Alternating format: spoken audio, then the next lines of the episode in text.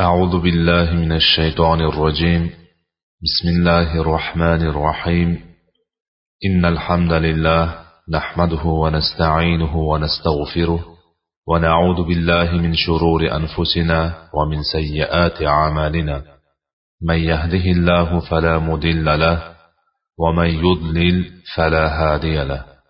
وأشهد أن لا إله إلا الله وحده لا شريك له وأشهد أن محمدا عبده ورسوله السلام عليكم ورحمة الله تعالى وبركاته o'tgan darsimizda jaloliddin manguberdi eronga hukmron bo'lishi abbosiylar xilofotiga zohirning voriy bo'lishi jaloliddin manguberdi xalat shahrini qamal qilishi chingizxonning o'limi hijriy 624 va 627 yillar orasida musulmonlarning holati baytul maqdisning nasroniylarga topshirilishi hijriy 628 yilda sodir bo'lgan hodisalar mo'g'ul tatarlarning iroqqa hujum qilishdan bosh tortishi jaloliddin manguberdining o'ldirilish qissasi mo'g'ul tatarlarning ozarbayjonni bosib olishi musulmonlarning mo'g'ul tatarlar oldida yengilishiga olib kelgan sabablar kabilar suhbatimiz mavzusi bo'lgan edi. Shu ongacha darslarimizda juda ko'p iqtibos olingan islom olamiga mo'g'ullar bosqinini nozik jihatlari bilan xolis yoritgan islom tarixiga oid kitoblar orasida yetakchi o'rinni tutgan asar al kamil fit tarix kitobi edi. Bu kitobning muallifi izzuddin abul hasan ali ibn abdul karim ibn abdul vahid ash shayboniy ibnul asir al jazariy rahimaulloh bo'lib u kishi hijriy besh yuz ellik beshinchi yil to'rtinchi jumodil oxira kuni ibn umar jazirasida tavallud topgan edi. U tasnif qilgan kitoblarning mashhurlaridan al kamil fit tarix va al g'oba fi ashabi sahoba kitoblaridir. Bu kishi rahimaulloh hijriy olti yuz o'ttizinchi yil shabon oyida melodiy bir ming ikki yuz o'ttiz uchinchi yil iyun oyida yetmish besh yoshida mosulda olamdan ko'z yumdi. O'tgan darsimizda mo'g'ul sarkardasi sho'rmag'on fors va ozarbayjon yerlarini egallab yangi mo'g'ul yurishini boshlagani haqida suhbat qilgan edik.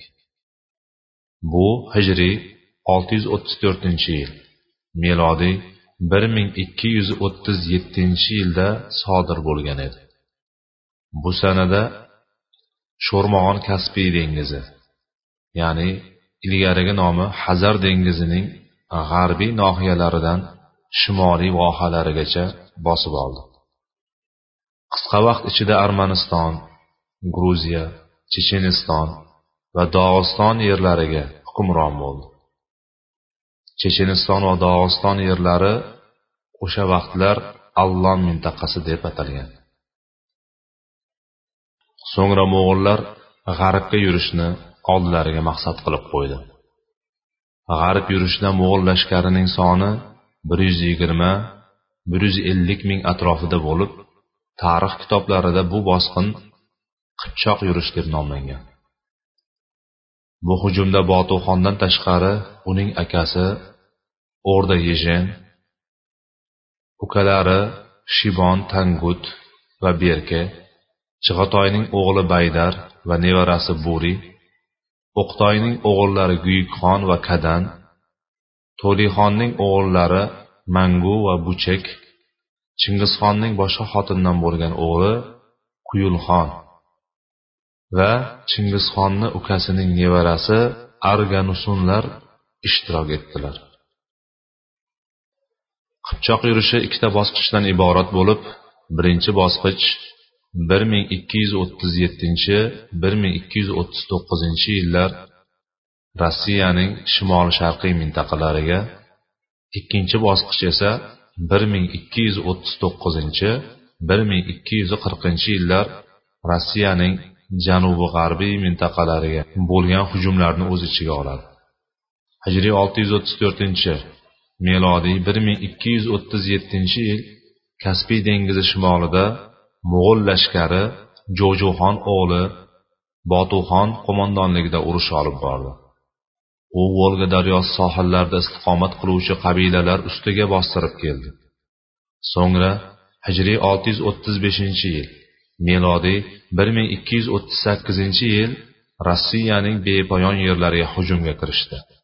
Bu mintaqalarga kirganidan to chiqib ketgunicha rossiya nasroniylarini vahshiyona ayovsiz suratda qilishdan o'tkazdi va rossiyaning ko'pgina shaharlarini egallab oldi. Buyuk riyazan podshohligi qo'l ostida bo'lgan riyazan shahri bir ming ikki yuz o'ttiz sakkizinchi yil yigirma birinchi dekabrda olti kunlik mo'g'ul hujumiga dosh bera olmay mag'lubiyatga uchradi. So'ngra kolomna shahri egallandi.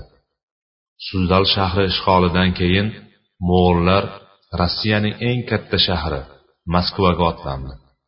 Moskva shahri mo'g'ullarga besh kunlik qarshilik qilgandan so'ng yigirmanchi yanvar kuni bosib olindi. Roshiduddin fadlulloh xabar berishicha vladimir juda katta shahar bo'lishiga qaramay bo'rondek mo'g'ul hujumiga bor yo'g'i sakkiz kun turib berdi. So'ng fevralning dastlabki kunlarida mag'lubiyat sari yuz tutdi. Shahar xalqining aksariyati qatl qilindi. Bir ming ikki yuz o'ttiz sakkizinchi yilda yuqorida zikr qilganlarimizdan tashqari peryaslav zaleskiy yuryev polskiy starobutna klyazma tver gorodets kostroma galichmerskiy rostov yaroslav uglich kashin ksnyatin dimitrov vologda voloklamskiy va boshqa shaharlar zabt etildi. Bir ming ikki yuz o'ttiz sakkizinchi yilning oxiri bir ming ikki yuz o'ttiz to'qqizinchi yilning boshlarida subutoy boshchiligidagi mo'g'ul lashkari bulgariya ya'ni hozirgi kundagi qozon mintaqasi va morodoviyani zabt etib takror rossiyaga kirdi va nijniy novgorod goroxovets gorodets murom va ikkinchi bor ryazan shahrini ishg'ol qildi. Rossiyaning yer maydoni 17 million kilometr kvadratga teng ulkan diyor bo'lishi bilan bir qatorda aholisi juda ko'p kamiga iqlimi qattiq sovuq va og'ir sharoitlardan iborat edi. Shunga qaramay mo'g'ullar bu bepoyon mintaqani qisqa fursat ikki yil ichida ya'ni melodiy bir ming ikki yuz o'ttiz sakkizinchi bir ming ikki yuz o'ttiz to'qqizinchi yillarda ishg'ol etdi. Mo'g'ullar qarshisida biron kimsa turishga toqat qila olmadi. Bu bosqindan so'ng mo'g'ullar ikki yil saflarini tartiblash va kelajak ishlarini rejalashtirish uchun bosqinni vaqtinchalik to'xtatdi. Hijriy olti yuz o'ttiz sakkizinchi yil melodiy bir ming ikki yuz qirqinchi yilda mo'g'ullar botuxon boshchiligida ukrainaga qarab yo'l oldi. 5 sentyabr kuni uning poytaxti kiyev shahrini qamal qildi va o'n to'qqizinchi noyabrdagina uni ishg'ol qilib shahar xalqini qilichdan o'tkazdi. Botuxon ukrainaning ulkan joylarini yakson va aksariyat xalqini qatag'on qildi. Mo'g'ul qo'shini rossiya yerlarini to'liq egallagandan so'ng ikki guruhga bo'lindi. Uning birinchi bo'lagi hijriy olti yuz o'ttiz to'qqizinchi yil melodiy bir ming ikki yuz qirq birinchi yil bayder boshchiligida ukrainaning shimoli g'arbiy tomonida joylashgan polshaga hujum uyushtirdi. Qo'shinning soni yetmish ming bo'lgan edi. Ular polshaga kirdilar va uning katta shaharlarini xonavayron qildilar. Polshaning podshosi nemis gersoglaridan yordam so'rashdan boshqa chora topmadi. Chunonchi olmaniya polshaga qo'shni mamlakat hisoblanadi.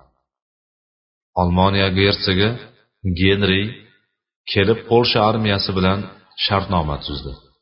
o'ttiz mingdan iborat nemis va polsha qo'shinlari mo'g'ul qo'shini bilan to'qnashdi. Mo'g'ullar bu ikki qo'shinni tormor qildi. Vrotslav shahrini va polsha mamlakatini butunlay bosib oldi. Ular hatto berlin shahrigacha yetib borib shaharni vayron qilishdi va xalqini o'ldirishdi. Ushbu mintaqaning o'zidan yigirma yetti ming odamni o'ldirgan edilar. Mo'g'ul qo'shinining ikkinchi bo'lagi esa ayni vaqtda botuxon kadan va subutoy bilan birgalikda uch kunda galich shahrini ishg'ol qilib rossiyaning g'arbida joylashgan mojaristonga jo'nadi ya'ni vengriyaga jo'nadi. Mo'g'ul qo'shini bilan mojar qo'shini o'rtasida shiddatli urush sodir bo'ldi. Natijada mo'g'ullar mojar armiyasini bitta qo'ymay qirib tashladi va mojaristonni bosib oldi. Uning poytaxti budapeshtni xonavayron qilishdi.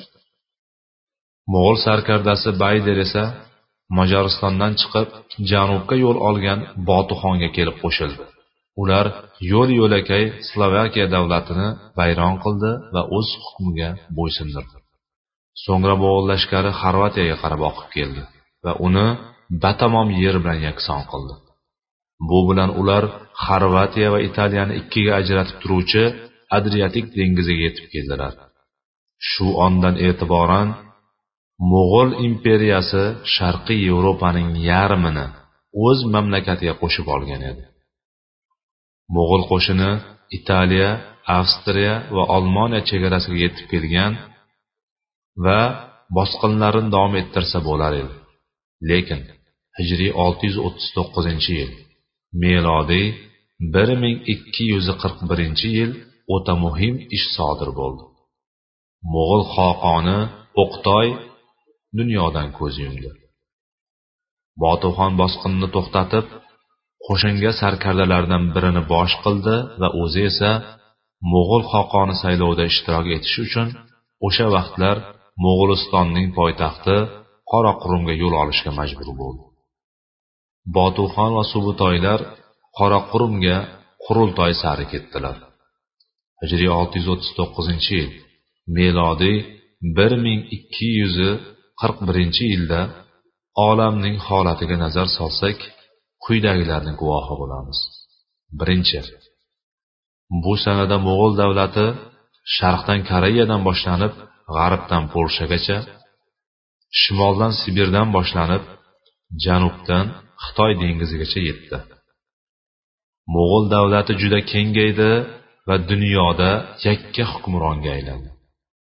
Hijriy 644 melodiy 1246 yil o'qtoydan so'ng mo'g'ul xoqonligiga uning katta o'g'li guyukxon o'tirdi.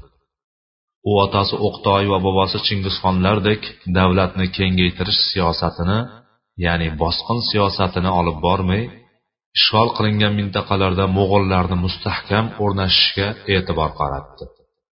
U yevropa va islom diyorlarida mo'g'ullar hamlasini vaqtinchalik to'xtatdi.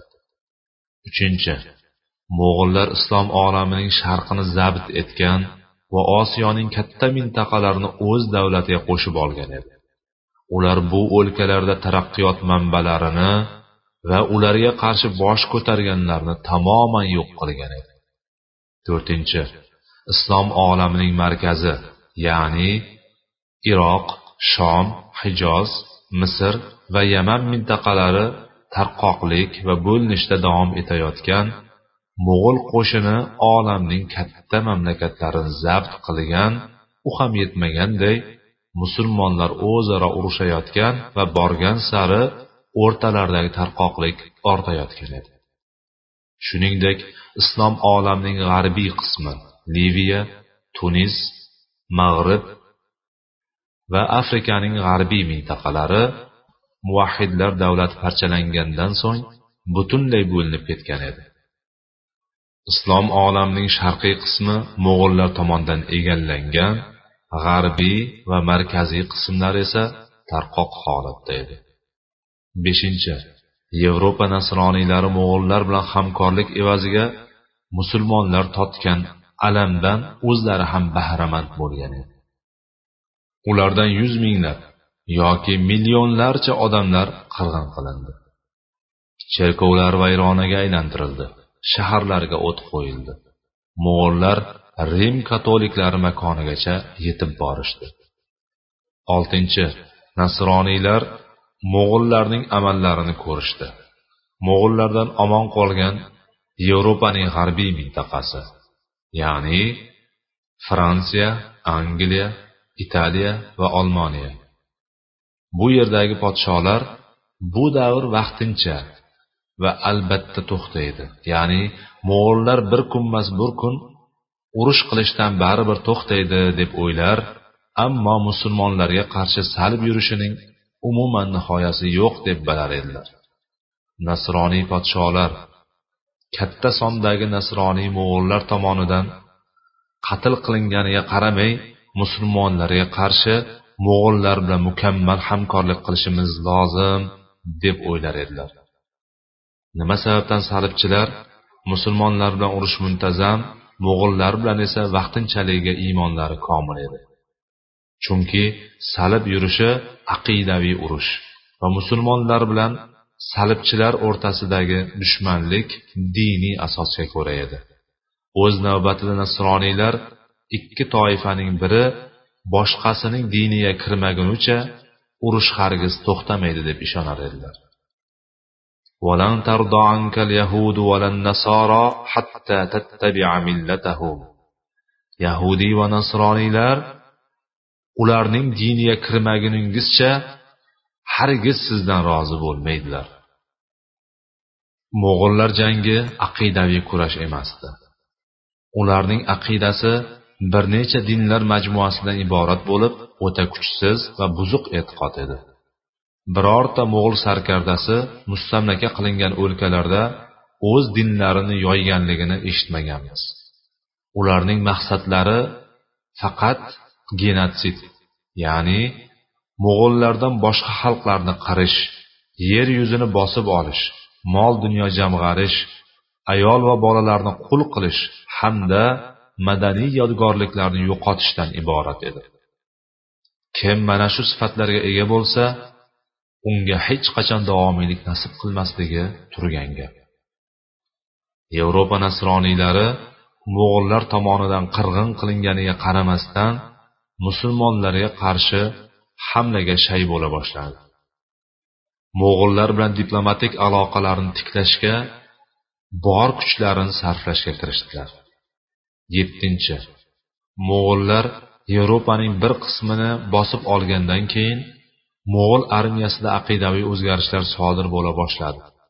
Buning sababi ko'pgina mo'g'ul sarkardalari yevropalik nasroniy qizlarga uylanishlari bo'lgan edi. Shu tariqa mo'g'ul koshonasiga nasroniylik dini kirib keldi. Bu esa salibchilarning mo'g'ullar bilan hamkorlik qilish imkoniyatini tug'dirar hamda abbosiylar xilofati va shom diyorini ag'darishda salib va mo'g'ul kuchini jamlanishiga yo'l ochar edi. Sakkizinchi yevropa salibchilari misr va shomdagi musulmonlarga qarshi jangda davom etdi. Salibchilar mo'g'illardan qattiq zarba yegan bo'lishiga qaramay ular musulmonlarga qarshi urushni to'xtatmadi. Ushbu kunlar ayyubiylar hukmronligi o'zining so'nggi kunlarini kechirayotgan va o'zaro ichki urushlarida davom etayotgan edi. Musulmonlar o'ta xatarli uchlik o'rtasida bir tomondan salibchilar boshqa tarafdan mo'g'ullar va yana boshqa jihatdan musulmon amirlar orasida qolgan edi. To'qqizinchi hijriy olti yuz qirqinchi yil o'ninchi jumodil oxira kuni melodiy bir ming ikki yuz qirq ikkinchi yil o'n ikkinchi dekabr juma kunining tongida abbosiylar xalifasi mustansir billah ellik bir yoshda olamdan o'tdi. U o'n olti yil o'n oyu yigirma yetti kun xalifalik qilgan edi. Uning o'rnini o'g'li mustasim billah egalladi o'sha kunlarda u o'ttiz yoshda edi. U qur'onni ko'p tilovat qilish tafsir fiqh va xayrli amallar bilan mashhur lekin siyosatdan bexabar va insonlarni ajratish qobiliyatiga ega bo'lmagan kishi edi. U atrofida nobob vazirlar tutgani ta'sirida xalifalikning zaifligi ortdi. Bu xususda kelasi darslarimizda batafsil gaplashamiz inshaalloh. O'ninchi mo'g'ullar bilan abbosiylar xilofati orasida faqatgina fors mintaqasining g'arbiy qismi. Xatarli ismoiliya toifasining hududi qolgan edi. Bu mintaqa kichik bo'lishiga qaramay o'ta muhim joy edi. Chunki ismoiliya toifasi urushqoq va jangari guruh bo'lib ko'plab qal'alar va qo'rg'onlari bo'lgan tog'li hududda yashar edilar. Ular abbosiylar bilan muntazam kelishmovchilikda bo'lib ular o'rnashgan joy abbosiylar hamda mo'g'ullar uchun juda xatarli mintaqa hisoblanar edi. Ismoiliya toifasi abbosiylar xilofotiga qarashli sunniy hokimlarni juda qattiq yomon ko'rardilar. Shu sababli ular sunniylarning ziddiga ko'p marta islom dushmanlari bilan til biriktirgan edilar.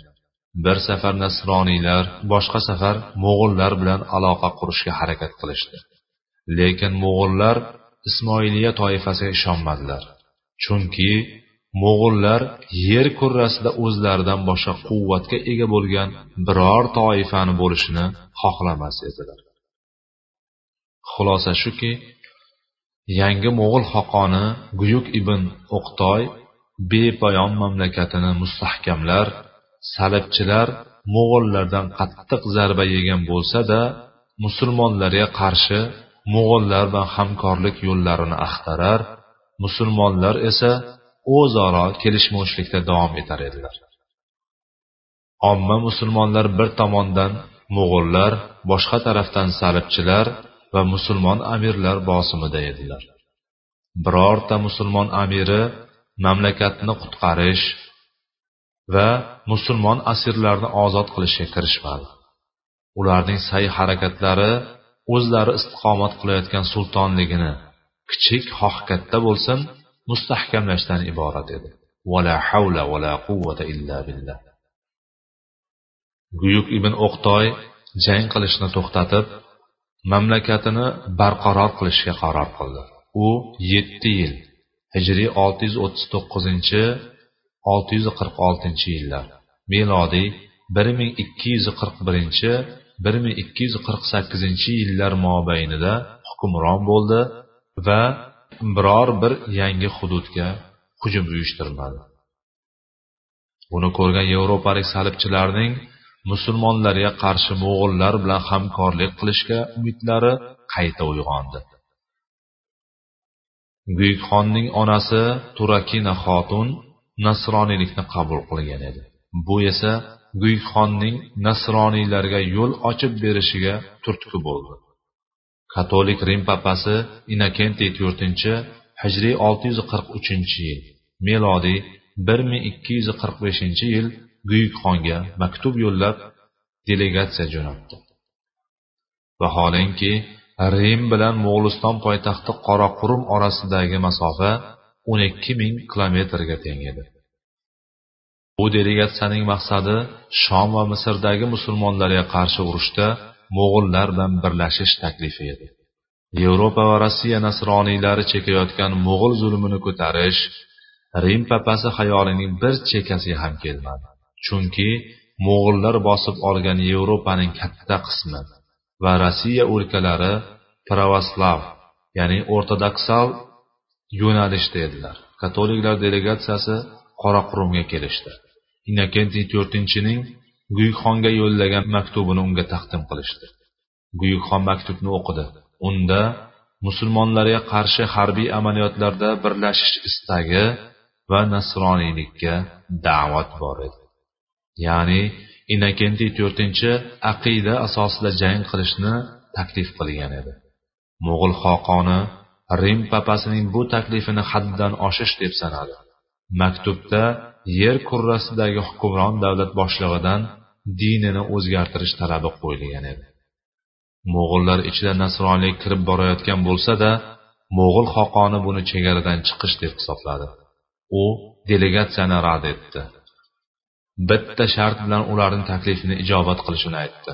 Bu shart butun g'arbiy yevropa ya'ni angliya fransiya olmoniya italiya va boshqa davlatlar amirlarining mo'g'ulistonga kelishi mo'g'ul xoqoni bilan do'stlashishi va unga itoatda bo'lishi edi. Shundan keyingina ular bilan hamkorlik qilishini so'zladi. Lekin bu shart yevropa podsholariga ma'qul kelmadi va bu taklifni ular ham rad qildi. Shunday qilib birinchi hamkorlik talabi suvga yozilgan bitiklar kabi so'ndi. Lekin katolik papasi innokentiy to'rtinchi noumid bo'lmadi. Islom olamiga hujum qilish hamiyati va rag'bati bor bo'lgan mo'g'ul qo'mondonlarini qidirishga kirishdi. Mo'g'ul davlatidan g'arbda ozarbayjon va fors mintaqalarida o'rnashgan urush qilish va tajovuzni yaxshi ko'radigan mashhur mo'g'ul sarkardasi bayjuni topdi. Rim papasi innokentiy to'rtinchi muvaffaqiyatsiz birinchi delegatsiyadan ikki yildan so'ng hijriy 645 melodiy 1247 yil bayjuga elchi yo'lladi. Bayjudan katta umid qildi. U esa salibchilar shom va misrga hujum qilsa o'sha mintaqadagi musulmonlar abbosiylar xilofati himoyasida mashg'ul bo'lishadi. Fursatdan foydalanib iroq yerlariga bostirib kirishga imkoniyat tug'iladi deb fikr qildi. Lekin unda inokentiy to'rtinchi va boshqalar bilan shartnoma tuzish vakolati yo'q edi. Shu sababdan u guyukxonga bog'landi. Ammo u ya'ni guyukxon hujum uyushtirmaslik va yevropaning kattalari unga itoat uchun kelishlari lozim degan fikrda turib oldi. Nasroniylarning ikkinchi hamkorlik o'rnatish yo'lidagi sa'y harakatlari ham bekorga ketdi. O'sha vaqtlarda fransiya qiroli lyudovik to'qqizinchi yettinchi salib yurishi nomi bilan ma'ruf bo'lgan mashhur salib jangiga hozirlandi. Lyudovik to'qqizinchi hijriy olti yuz qirq oltinchi yil milodiy bir ming ikki yuz qirq sakkizinchi yil qabris orolida ya'ni kipr orolida islom o'lkalariga urush uchun fransiya va boshqa nasroniy qo'shinlarini to'play boshladi. Ikkinchi bor hamkorlik taklifi ham natija bermagan bo'lsa da nasroniylar mo'g'ullar bilan ittifoq tuzish umididan voz kechmagan edi. Ludovik to'qqizinchi qibris orolidan buyuk xonga uchinchi delegatsiyani hadiyalar sovg'a salomlar bilan jo'natdi. Delegatsiya bosh a'zolari ikki rohib dovud va marklar edi. Ular mo'g'ul poytaxti qoraqurumga kelganida buyuk xon dunyodan ko'z yumgan edi. Bu hodisa hijriy 646 yil robiyul axir oyiga melodiy 1248 yil avgust oyiga to'g'ri kelgan edi.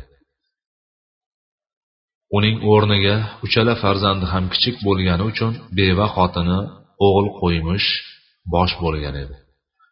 U uch yil hijriy 646 649 yil melodiy 1248 1251 yillar hokimiyat tepasida turdi.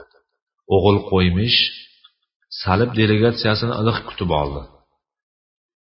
Lekin kuyikxonning o'limi natijasi o'laroq yuzaga kelgan muammolar va ayol kishining boshchiligini hazm qila olmagan mo'g'ul sarkardalari sanoqsizligi tufayli ularga uzr aytdi. Zero mo'g'ul imperiyasi qattiq qo'l istibdod va hukmronlik ustiga qurilgan edi. Shuning uchun ular imperiya boshlig'i jur'atli erkak kishi bo'lishini talab qilar edilar. Xullas uchinchi salib delegatsiyasi ham quruq qaytdi. Shunda ham yulov to'qqizinchi urushdan bosh tortmadi. Hijriy olti yuz qirq yettinchi yil melodiy bir ming ikki yuz qirq to'qqizinchi yil misrdagi dumyotga bostirib keldi va uni egalladi. Yettinchi salb yurishi boshlandi. Bu haqda hali batafsil suhbat quramiz inshaalloh. Buyukxonning xotini saltanat ustida uzoq turmadi. Mo'g'ullar ayol kishining boshqaruviga taskin topmadilar. Hijriy olti yuz qirq to'qqizinchi yil melodiy bir ming ikki yuz ellik birinchi yil mo'g'ullar sho'rosi qarori bilan manguxon mo'g'ul xoqoni bo'ldi. Ali muhammad sallabining yozishicha olti yuz qirq sakkizinchi yil zulhijja oyi melodiy bir ming ikki yuz elliginchi yil aprel oyida mo'g'ul sho'rosi qarori bilan manguxon mo'g'ul xoqoni bo'ldi. Manguxonning mo'g'ul saltanati ustiga kelishi mo'g'ullar siyosatida katta burilishga sabab bo'ldi. U mo'g'ul imperiyasi asoschisi bo'lgan bobosi chingizxonga va amakisi o'qtoyga o'xshab qattiq siyosat yurita boshladi. Manguxonning ilk fikri abbosiylar xilofatini ag'darish misr shom va afrikani egallash bo'ldi. Lekin ming afsus o'sha kundagi musulmon amirlarning saviyasi voqelikda sodir bo'layotgan hodisalardan ancha orqada edi. Mo'g'ullar guyuk xon so'ngra xotini o'g'il qo'ymish davrida o'n yil hijriy olti yuz o'ttiz to'qqizinchi olti yuz qirq to'qqizinchi yil melodiy bir ming ikki yuz qirq bir bir ming ikki yuz ellik birinchi yillar davomida urush qilmadi shu muddatda islom olami sharqiy qismining yarmi mo'g'ullar zulmida bo'lsalarda hokimlar xalqlar hatto ba'zi ulamolar ham buni unutib qo'ydilar.